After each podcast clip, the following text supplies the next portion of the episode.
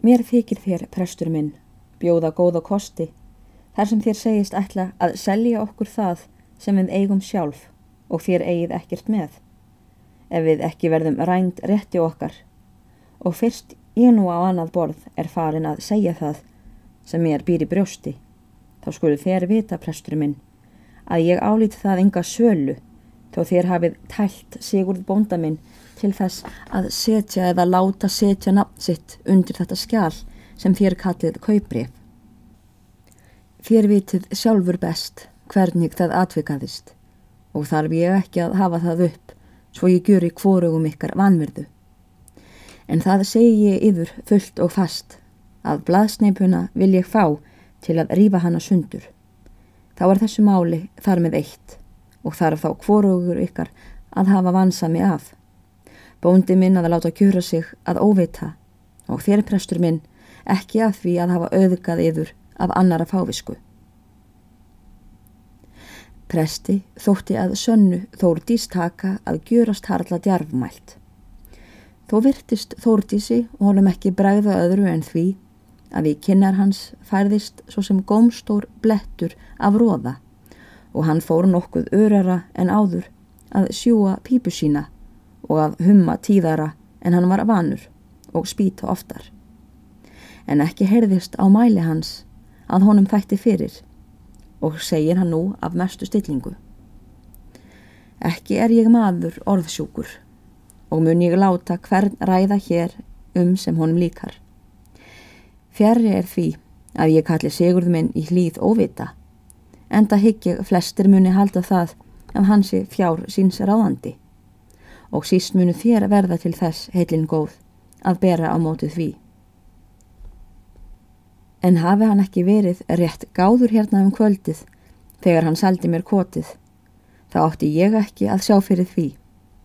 Og það er yfir í stuttumáli að segja þórtis mín, að ekki læti ég kauprefið fyrir hamri af hendi, en lofi Guð mér að lifa, ber ég mið að dragnast suður, að sumri og þinglýsa þar kaupinu fyrir kotinu á alþingi.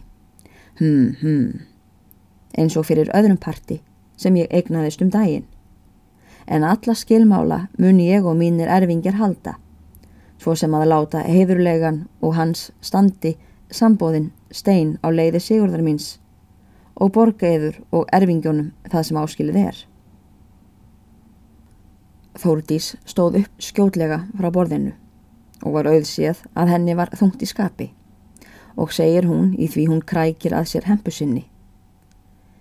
Það mun þá fara um viðskipti okkar, prestur minn, sem drottni þóknast. Það getur verið að við veru takist það með prettum og ofríki að koma fram rángindum yðar og svæla út af okkur þessa einu erðarþófu sem við eigum. Eins og þér ætlið yður og segi ég það nú svo mátulega margir heyra til. Það er líkast til að fleiri verði í þar fylgismenn, þó illt mál sé en okkar, sem engan eigum að, þó ég viti að Guð hafi oft gjört það að rétta upp öngla hérna illgjörnu, hversu veiðilegir sem þeir voru og látið hérna ágjörnu draga upp þöngul fyrir þosk. En fari svo að þér berið sigur úr þessu málum og vélið af okkur jörðina. Þá byrð ég yfir að njóta eins og þér hafið aflað en óheimildarmann lýsi ég yfir fyrir og síðar að hverju þúfu í Hamarslandi sem þér egnið yfir og það segi ég yfir að kauprifið sem þér svo kallið tek ég hvenar sem ég næð því og hvernig sem ég get þegar ég fæ færi á og með hvaða bróðum sem ég get. Því trúi ég dá vel sagði prestur og glotti við eða það að lægi á Glámbekk. Eftir því sem yfir hafa farið svo orð þórtis mín en það er líklegt að það vilji svo til að það verði geimt. Það er líklegt, sagði Þórdís. Þeir þurfa að fela sem stela.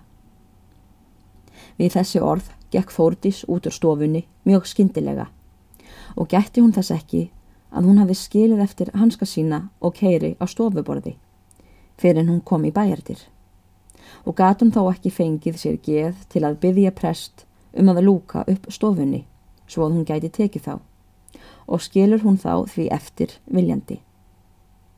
Og er hún kemur út á hlað, sér hún að árni vinnumadur stendur þar á hlaðinu og kallar hún á hann og byður hann að koma með hest sinn þar að stjettinni. Prestur fylgdi Þórdísi út og sá ekki á honum annað en ekkert hefði milli borið. Leiðir þá árni dreyra að stjettinni og segir prestur. Ég ætla nú heilin góð að hjálpa yfir á bak og gengur hann að hestinum. Þórdís ansar því engu, en í sama byli grýpur hún annari hendi um söðulbríkina og setur annan fótinn á fótafjölina og kippi sér svo upp í söðulinn og kastar þá prestur hverju á hanna og segir Farið þér alla tíma vel, Þórdís mín. Ég óska yfir góðs og manninu miðar. Í þessu tekur dreyri til fótana, en prestur heyrir að Þórdís svarar upp á hverju hans í því hún fór á stað. Ég óska yfir einskis. Ég óska yfir kvorki góðs íls. Eftir brottferð Þórdísar gengur prestur aftur til stofu sinnar og verður honum það fyrst fyrir er hann þangað kemur að hann tekur upp úr vasa sínum likla sína að skápnum mikla er áður er nokkuð frá sagt. Þar gemdi hann í ræður sínar en eitt draghólfið í skápnum var ætlað fyrir egnar skjöl prests og önnur áriðandi bref hans og peninga. Sannaðist það því á þessum skáp, sem er þó sjálfgeft, að hann þjónaði jæmt guði og mammonni. Prestur líkur upp maurahólfinu og tekur þar nokkur eignarskjöl sín og þar á meðal kauprefið fyrir hamri. Flettir hann því sundur og les það vandlega og leggur svo niður aftur og brosir í kamp og hummar. Það vitum mér ógjörðla hvað honum hefur þá dottið í hug, hvort það heldur hefur verið svo hugsun að hann þar hefði sapnað sér fjársjóð sem mölur og rið gæti ekki grandað, eða hitt að honum fóst eins og mörgum sem hafa einhvern þann hlut undir höndum sem þeir eru miðlungi vel að komnir, að þeir nálega aldrei eru óhættur um hann nema þeir alltaf horfi á hann og hann nú glettist að því að sjá kauprif sitt vel og vandlega geimt. En af Þórdísi er það að segja að hún rýður heim til hlýðar og var hún all fátöluð á leiðinni og yrti lítið á fylgdarmann Fyrst, þegar hún skildi við prest, var hún reið mjög, en er nokkuð frá leið, tók hún að hugsa málsitt og virtist henni all þunglega horfa og gjörðist hún heldur ókátt. Og svo hefur árni fylgdarmadur hennar frásagt að honum síndist stundum sem kvitt hagl hrjóta af augum hennar og var hún þá stundum föl sem nár en stundum setti hann að dreirrauða.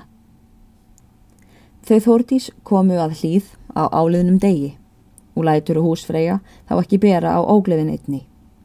Segir hún síðar bónda sínum frá viðtali þeirra prests og hvað hann sér ekki koma það óvart að svo hefði farið sem hann grunaði.